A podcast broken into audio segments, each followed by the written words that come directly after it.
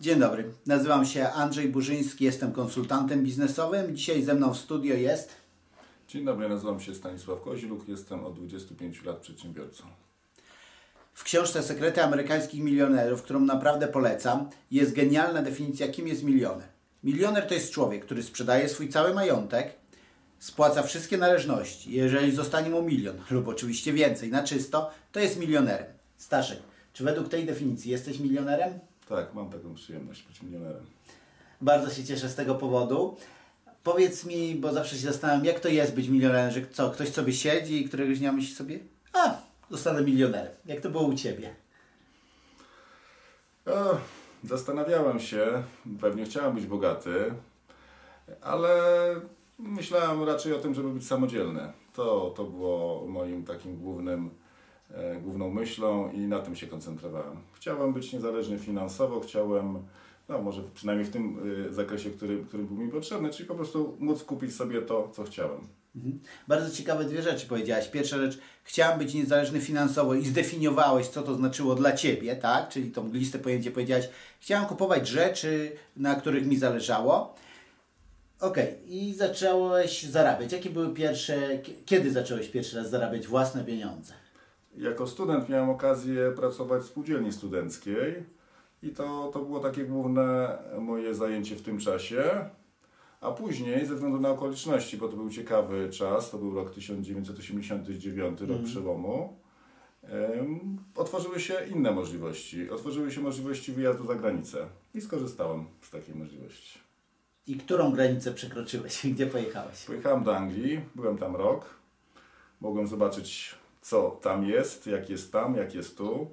E, I, I przez rok mogłem pracować i zdobyć kapitał, który później okazało się, że był dla mnie bardzo cenny. Okej, pojechałeś do Anglii. Powiedz, co tam robiłeś? Byłeś studentem, więc... Tak, jako student właściwie każda praca była dobra. Czy to była praca na budowie, czy, czy w restauracji, nie miało to znaczenia, gdyż e, chodziło o to, żeby po prostu pracować, żeby zarabiać.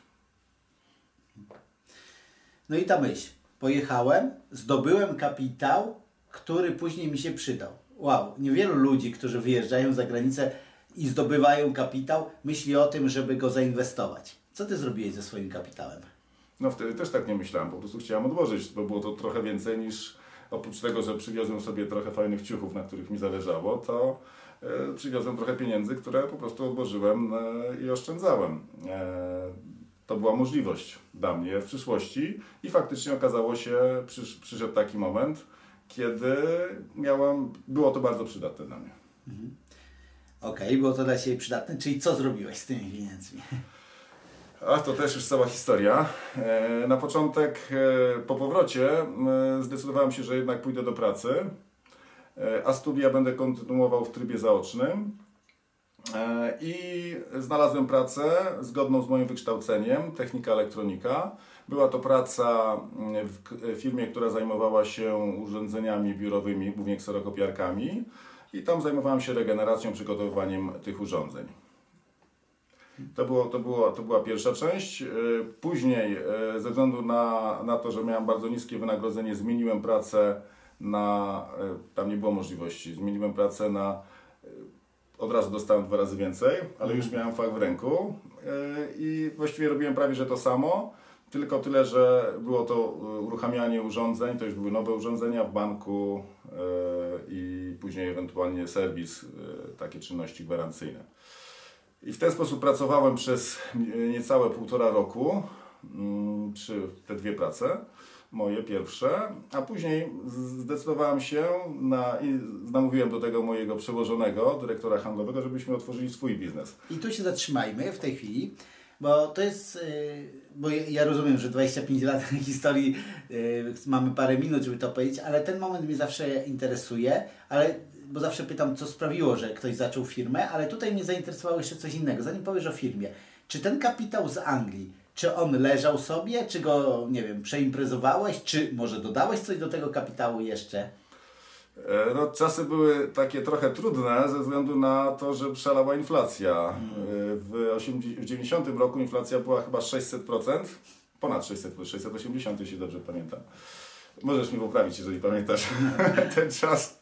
E, dopiero w 96 zeszła poniżej 20% e, w stosunku rocznym. Także to, mm, to były takie dziwne czasy, ale waluta już się utrzymywała na tym samym poziomie, więc po prostu trzymałem, trzymałem w banku pieniądze e, i, i korzystałem w takim zakresie, który był niezbędny a przydały się wtedy, kiedy, kiedy otworzyliśmy firmę. Przydały się dlatego, że z mojej strony mogłem zaoferować swoją wiedzę techniczną, doświadczenie techniczne i kapitał, a mój wspólnik wniósł do firmy swoje doświadczenie handlowe. Ok, i zanim przejdziemy do tego momentu, kiedy usłyszymy o pierwszej firmie i czy to było pierwsze bankructwo, czy to był pierwszy sukces, to zaraz się dowiemy, ale chciałem tutaj pokazać Ci pierwszą lekcję. Zadbaj o siebie, ponieważ nikt inny tego za Ciebie nie zrobi. To jest pierwsza lekcja, która płynie z tego, co mówił Staszek. On postanowił zadbać o siebie, wykorzystał możliwości, jakie miał, najlepiej jak umiał. Ok, jesteśmy w momencie firmy. I co się dzieje? Zakładacie tą firmę i bankrutujecie, zarabiacie miliony. Jest ogromny lęk. Co się, co się zdarzy. Mamy jakieś środki, ale to są środki też nie, nie jakieś olbrzymie. Wiadomo, że trzeba z tego opłacić czynsz, e, opłacić tam mnóstwo, mnóstwo różnego rodzaju trudności i takich wątpliwości stało przed nami. Trzeba było to pokonać. E, I i nie wiem, czy mieliśmy szczęście, dlaczego, dlaczego tak się stało akurat. Może nam się po prostu przytrafiło, ale po kilku miesiącach tej działalności naszej, a zajmowaliśmy się wyposażeniem biur, dostarczaniem różnego rodzaju sprzętu biurowego. Mm, to, co mieliśmy na magazynie, był taki miesiąc. Był to, jeśli dobrze pamiętam, to lipiec. Był to moment, kiedy został VAT wprowadzony. E, był to miesiąc, w którym wszystko to, co mieliśmy na magazynie, sprzedaliśmy. Co do, co, do, co do sztuki i oczywiście na przyzwoitej marży, dlatego, bo VAT wchodził 22%, więc 5%, jeżeli ktoś kupił nawet 5% drożej, ważne było dla klienta, żeby kupił. Mhm. Okej, okay, wytłumacz może, bo y, jeżeli ktoś słucha tego przedsiębiorca, to on oczywiście wie, o czym Ty mówisz, ale załóżmy, że słucha tego człowiek, który myśli, dopiero chce być przedsiębiorcą, mówi, y, ale o co chodzi, jaki VAT, czyli co? Mieliście kupiony towar, który kupiliście tak, do 93 roku, bo o tym roku mówimy, to był rok, w którym rozpocząłem, e, założyłem tą swoją pierwszą firmę, mm, obowiązywał podatek obrotowy. I on się rządził troszeczkę innymi prawami, a VAT taki, który mamy obecnie, w obecnej postaci, został właśnie wprowadzony od 3 lipca 1993 roku, jeśli dobrze pamiętam. Mhm.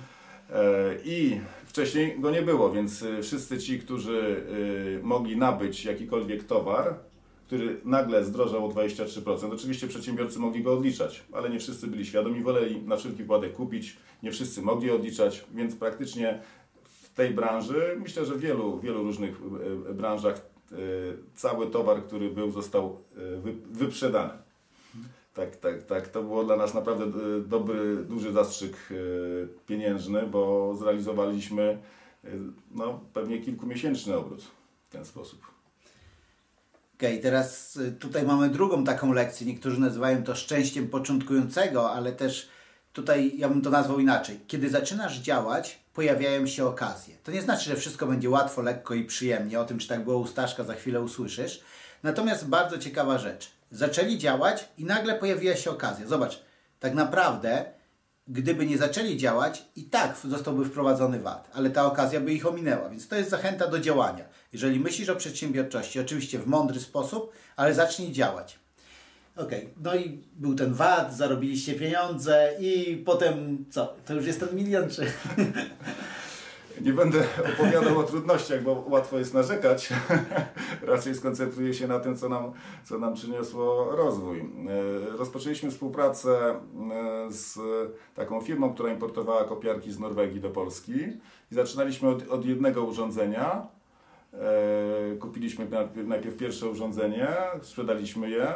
Ja się zajmowałem regeneracją, więc zregenerowałem, sprzedałem. A po dwóch latach ze względu na to, że byliśmy rzetelnym odbiorcą, ten dostawca dostarczał tylko, cały sprzęt, który dostarczał, dostarczał tylko do nas. I to przynajmniej jeden tir miesięcznie urządzeń, niezależnie od tego, czy były, były to e, kopiarki tej marki, którą my sprzedawaliśmy, czy inne. Takie miał do nas zaufanie. Wypracowaliśmy sobie, mieliśmy markę w jego, w jego, w jego oczach. I to mocno rozwinęło nas, nasz biznes. Taka konsekwencja e, w działaniu i solidność. Mhm. Super. Powiedziałeś, że tak, nie chcesz narzekać i- rozumiemy, to nie jest konwencja wywiadu, gdzie będziemy narzekać jakieś źle, a będzie jeszcze gorzej, to nie ten wywiad. E, Natomiast y, powiedzieć trochę o trudnościach możesz, bo myślę, że to się przyda, bo czasami, kiedy słyszymy historię ludzi, którzy się rozwinęli, to myślimy, ale mieli fajnie. Myślę, że nie wszystko było fajnie. Nie było łatwo znaleźć lokalu. Znaleźliśmy lokal na drugim piętrze. Trzeba było te urządzenia ręcznie wnosić na drugie piętro. Dopiero jak troszeczkę się odbiliśmy, to poszukaliśmy troszeczkę droższego lokalu, żeby już był na parterze. Z windą. On był w sumie na pierwszym piętrze, ale z windą. Z windą towarową. To już był luksus. Nie było telefonów. Telefonów komórkowych w ogóle, jeśli dobrze pamiętam, to weszły w 1996 roku. E, Czasami czekało się na telefon e, rok czasu albo dłużej. Taki był, tak, no było, było, było duże utrudnienie. Zupełnie to inaczej wyglądało. Trzeba było znaleźć sposób na to, żeby y, dotrzeć do klienta. Także no, szukaliśmy i znaj- znajdowały się rozwiązania. To jest kwestia tego, jak bardzo jesteśmy zaangażowani, czy mamy odpowiednią ilość entuzjazmu do tego, co robimy. Jak to powiedział Churchill, że sukces to jest nieustanne przechodzenie od porażki do porażki z nieustającym entuzjazmem. E, Tak, więc na pewno te przeciwności inaczej wyglądają z perspektywy czasu, inaczej wyglądają, kiedy je przeżywasz. Powiedz, czy z tym wspólnikiem dalej prowadzisz tą firmę? Po dwóch latach e, wspólnik zdecydował, że chce prowadzić sam mm, biznes. E, Byłem trochę w takiej kłopotliwej sytuacji, ponieważ uzgodnił z dostawcą i z pracownikami, których wyszkoliłem, że zostaną z nim, więc mając nieco słabą pozycję negocjacyjną, wynegocjowałem, e, że odstępnym będą dwa miesięczne dochody firmy. Pierwszy wypłacił w gotówce, drugi, drugi był spłacany w ratach i rozpocząłem od początku. Jak się czułeś z tym, że nagle ktoś, z kim budujecie razem biznes, macie jakieś wspólne plany, wycofuje się, zmienia warunki gry w czasie gry? E, Co ci towarzyszyło? Miałeś, myślałeś sobie, rzucę, pójdę na etat, czy ja mu pokażę, czy cokolwiek innego? Tak, myślę, że to ewoluowało we mnie. Na początku na pewno była złość, to duża złość, dlaczego tak zrobił. E, i, a z drugiej strony, no to no właściwie każdy jest wolny, może, może wybierać, jeżeli, jeżeli ja mu nie odpowiadałem, to, to mógł wybrać in, inną drogę. E, Później rzeczywiście miałem to uczucie, że chciałem mu udowodnić, że, że też potrafię. I, I tak się złożyło, że w przeciągu kolejnych dwóch lat mm, uzyskałem, myślę, że wyższy poziom niż, niż on miał. A to też dzięki splotowi takich korzystnych okoliczności, między innymi ta firma, w której rozpoczynałem swoją karierę technika, elektronika, jej właściciel przekazał mi cały ten dział ze względu na to, że za, zaczął zajmować się bardziej intratnymi przedsięwzięciami niż, niż kopiarki. Według niego to nie było już opłacalne, a ja na tym bardzo dobrze zarabiałem. Bardzo ciekawa rzecz, którą powiedział teraz Staszek. On nie widział, że to już jest biznes dla niego, że zobaczył coś ciekawszego i czasami tak jest. Wiesz, kiedy ja jestem w swojej branży, często ludzie mówią, a powinien zajmować się czym innym, teraz co inne jest na topie. Okej, trzeba być mądrym, ale też trzeba zobaczyć, że nie zawsze ludzie mają rację, albo czasami mają rację w tym znaczeniu, że oni zobaczyli coś dla nich lepszego, a ty widzisz coś lepszego dla ciebie. Okej, i rozwinąłeś się po prostu w tej firmie, tak, prowadząc e, Tak. tę firmę. Wiem, że nie będziemy tu zdradzać szczegółów, ale zrobiłeś też inwestycje, tak? Z części zarobionych Tak, środków. e, wtedy kiedy masz nadwyżki, możesz się zastanowić, w jaki sposób e, je uruchomić. Do, czy może to być forma oszczędzania na emeryturę? No, Było dosyć popularne w tych, w tych latach taki trzeci filar. Ja stwierdziłem, że moją dobrą inwestycją będzie inwestycja w ziemię. Zdecydowałem się na zakup 100-hektarowego mm, gospodarstwa rolnego. Oczywiście, żeby y, zająć się innym tematem, musiałem porządkować swój biznes. Było to istotne, żebym wiedział, co się dzieje w firmie, żeby, były określone kompetencje, mm, określone procedury, żeby firma mogła działać sprawnie i wtedy mogłem zająć się nowym tematem. Okej, i w ten sposób budowałeś e, swój biznes, rozwijając swój biznes, inwestując. Powiedz e, z perspektywy czasu te trudności, rozstanie e, ze swoim partnerem biznesowym, jak oceniasz? W zasadzie to była dla mnie szansa, można tak określić. Wydawało się początkowo, że, że to jest coś, co może być dla mnie zabójcze nawet, ale miałem taką dużą dozę energii w sobie do działania, że szybko odrzuciłem tę myśl od siebie.